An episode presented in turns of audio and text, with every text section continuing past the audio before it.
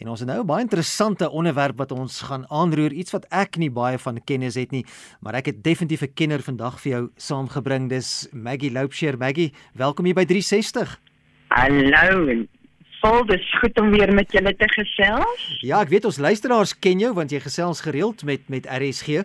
Nou ons gaan vandag bietjie gesels oor wat ons kan leer uit die samestelling van brons beeldhouwerk.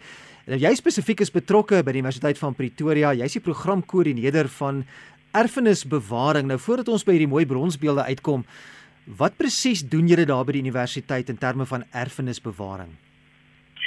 Jong, ek is eintlik 'n chemikus van opleiding. Um en selfs tot my groot skok moes ek uitvind dat erfenisbewaring, veral as dit by die tasbare erfenis kom, eintlik maar materiaalwetenskap is en dis hoekom ek um, gevra is om te help met die program te begin. Nou ons is die eerste program van sy soort in Sub-Sahara Af Afrika en die Mellon Foundation in Amerika befonds ons huidigelik om die program te begin. Sjoe, dit om is om te help ja. om ons eie erfenis in Afrika te bewaar. Dit is iets fenomenaal en en wanneer het julle dan daarmee begin as jy sê dis se eerste, hoe lank is julle aan die gang? Kinderskool? Ons het in 2019 ja definitief ek kinderskoene my eerste M studente het hierdie jaar my tweede my tweede stel M studente het hierdie jaar hulle graad gekry en ons hoop dat volgende April die derde groep hulle M kry. Sjoe, nee baie geluk daarmee. Dit is dis sommer iets om op trots te wees. Nou Maggie, die die pad vorentoe vir julle program, lyk dit daarom positief? Vorder julle goed? Baie. Ons het ongelooflike uiteenlopende studente uh, op uiteenlopende onderwerpe alles van skilderye en beeldhouwerke tot keramiek. Um ek het voorheen gepraat op RSG oor van die mens van een van my studente in wat op die Oranje Moon skeepswrak hmm. in Namibië werk op die Pewter gewerk het en volgende jaar het ek 'n student wat op die hout van dieselfde skeepswrak gaan werk. So dis regtig interessant. Dis nou iets interessant. So skeepswrak gaan ook seker nie vir altyd daar wees nie, né? Hy word verweer, so die tydsbeperking is seker ook maar iets wat vir julle belangrik is. Dis presies hoe ons kyk alles op aarde waaraan wat om ons is of gemaak uit iets wat gemeen is ja. of dis gemaak uit iets wat gegroei het. So eintlik wil alles net weer stof word. En as 'n erfenisbewaarder is jou werk om te probeer om dit so lank as moontlik te laat neem om weer stof te word. Hmm, baie interessant. Ja, ek self is baie lief vir akoestiese gitare. Ek speel selfs 'n bietjie gitaar en dis baie waar wat jy nou sê. Kyk, ons almal soek daai daai ou vintage gitare, nê, want die hout bly leef en die klank wat daar uitkom raak net beter so met die tyd. Soos amper soos goeie wyn. Ja, natuurlik. nou kom ons gesels so 'n bietjie oor brons beeldhouwerk want dis eintlik ons tema vandag is so 'n bietjie meer gaan diep en delf, dieper gaan delf in wat presies behels brons beeldhouwerk en wat ons kan leer uit die samestelling daarvan. Nou as ons van brons beeldhouwerk praat is iets en iemand wat baie sinoniem daarmee is Anton van Wouw. Ja. Hy word die vader van beeldhouwerk in Suid-Afrika genoem. Um hierdie Nederlander is in Desember 1862 in Driebergen in Nederland gebore en toe op 28 jarige ouderdom nadat hy 'n opleiding in klassieke beeldhoukuns in Europa ontvang het, kom hy toe Suid-Afrika toe. Nou oorspronklik het hy maar 'n lewe gemaak uit argitekturele beeldhouwerke en so was hy die man wat die ou republikeinse staatswapen vir die ou raadsaal op Kerkplein in Pretoria gemaak het en ook vir die wat dit ken daai lieflik Michelangelo geïnspireerde nag en oggend horlosie gesig voor die ou poskantoor op Kerkplein. Ja. Nou ons almal ken hom vir sy Paul Kruger op Kerkplein vir die vroue monument in Bloemfontein en dan ook um, om die voortrekker monument, die vrou met die kinders is ook sy werk.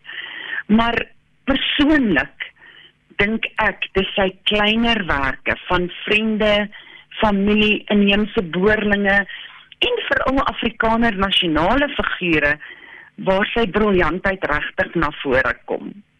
Want jy moet besef, hierdie was vroeg in die 9 in die in die 20ste eeu. Ja. Dit was definitief die tyd van groeiende Afrikaner nasionalisme na die Anglo-Boereoorlog en hy het homself definitief met die Afrikaner visie vereenselwig. Nou ons praat van baie baie jare terug en die tegnologie daai jare was nie wat dit deesdae is nie. Hoe het hulle in daai jare hierdie beeldhouwerk aangepak? Wel dit is baie interessant want niks het verander wel, min het verander. Ehm um, die die basiese beginsel is maar dieselfde as wat dit duisende jare al is. Is dat die kunstenaar maak eers 'n oorspronklike beeld uit klei of gips mm -hmm. en daarvan maak hy dan 'n gietskit, 'n stuk wat hulle binne-in bedek met 'n laagie ehm um, was. En dan word daardie was, dan daardie was vang al die oorspronklike detail van die beeldhouwerk lieflik vas.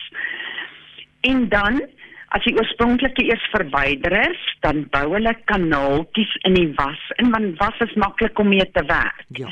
En dan 'n tregter om die brons te laat invloei. En hierdie gaatjies is ook om die lug te laat ontsnap dat jy nie borreltjies het nie. Dit alles word mooi geanker en dan word hy versterk met gips binne-in en dan word hierdie gietvorm so om en heen en weer gedoop in 'n mengsel van 'n slurry wat uit gips en sand bestaan. En as hy dan lekker dik en sterk is, sit hulle hom in 'n oond om om mooi hard te word, maar terselfdertyd laat daai hitte dan die was smelt en uitloop. Ja. ja. En nou sit jy met hierdie hol vorm waarin jy die brons dan kan giet sodat hy die oorspronklike presies weerspieël. En as hy genoeg afgekoel het, breek jy net daai ehm um, gietvorm af en dan werk jy mooi af en al die al die ehm um, voederbuisies en goed word dan afge afgesaag en toege toegesoldeer en die moontlik en mooi gepoleer en dan maak hulle 'n patina wat maar 'n mengsel van sure en goedes wat hulle met hitte aanwend en dit gee vir 'n bronsbeeld hierdie pragtige afwerking, maar hy beskerm hom ook teen korrosie oor tyd. Jogg, dit is 'n dis 'n proses, so jy gaan definitief geduldig moet wees as jy met brons wil werk, bronsbeeldhouwerk wil doen. Dit is nie sommer gou ietsie wat jy mekaar slaan nie. Nee, glad nie, glad nie. En en ek is ek is altyd verstom as ek op die vloer van die van die gietery staan wat so industriële omgewing is en alles is so grof en vuil en jy sien hierdie ongelooflike fyn werk wat daar uitkom. Nou Maggie, ek wil nou iets anders vir jou vra want kyk die proses soos jy nou net verduidelik het is maar nog steeds dieselfde. Die basiese proses van 'n brons beeldhouwerk is dieselfde, maar die materiale wat gebruik word is nie noodwendig dieselfde samestelling nie.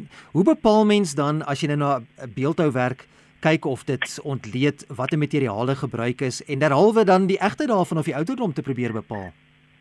Nou dit is presies waaroor ek my PhD navorsing doen.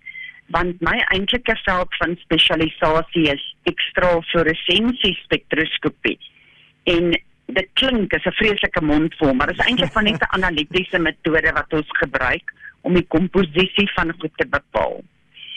En van wou het ek juis gekies as my toetsobjek omdat hy in sy lewenstyd omtrent net vyf verskillende gieterye gebruik het. Ja.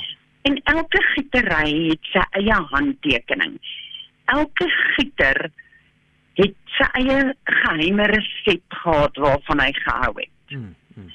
So wat ek nou doen is ek het 'n lekker groot versameling want die universiteit besit 'n groot klomp oorspronklike van wouwerke sowel as ander waar die die um herkoms met baie groot sekerheid nagevors is.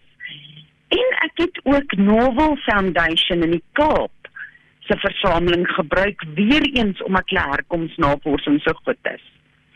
En ek het op grond van hulle komposisie die alloy en die patina gebruik ek 'n statistiese metode wat ons bondelanalise noem. Ja. En um, vir die wat se koppe nou sing cluster analysis klink dalk meer bekend. En deur dit te doen, lyk dit vir my asof ek wel 'n spesifieke gietery in 'n bondeltjie kan kry op grond van die komposisie. En dit beteken dat ons 'n onbekende werk kan vat en op grond van sy komposisie kan kyk waar hy pas al dan nie. Hm. En ek het egter al vir vir um Gerard de Kamper by Universiteit van Pretoria het al vir my 'n werk gebring wat ek geanaliseer het en dadelik vir hom gesê het: "Nee, hierdie silikonbrons, dit het glad nog nie in van Wouw se tyd bestaan nie." Sjoe. So ons hoop hierdie metode gaan werk. Ek werk hard daaraan. En as dit werk, kan ons dit gebruik as 'n oefenloopie en so databasisse van ander Suid-Afrikaanse beeldhouers se werk opbou. Dis ongelooflik interessant. Maggie, ek gaan jou ongelukkig daar nou moet groet op daardie groot hoogtepunt. Net so laaste vraagie, nou dat nou dat jy gesê het jy het reeds een werk gesien wat definitief dan nou nie eh, van Wou bronsbeeld is nie. Wat is die tendens van vervalste produkte tans in die mark wat voorgehou word as egte produkte? Is is dit redelik volop? Dis ongelooflike groot probleem. Soveel so dat die polisie sopas 'n nuwe vervalsingseenheid op die been gebring het. Um met beide skilderye as want want hierdie beelde gaan vir ons praat miljoene rande. Ja.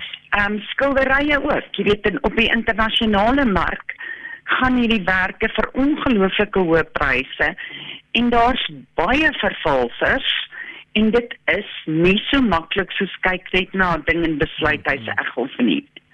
So die die chemiese analise gee vir ons net nog 'n stukkie toerusting om saam met die herkomsnavorsing en dan wat jy noem konnoisseurship jou jou 'n sterker saak te gee om te besluit of iets eg is al dan nie.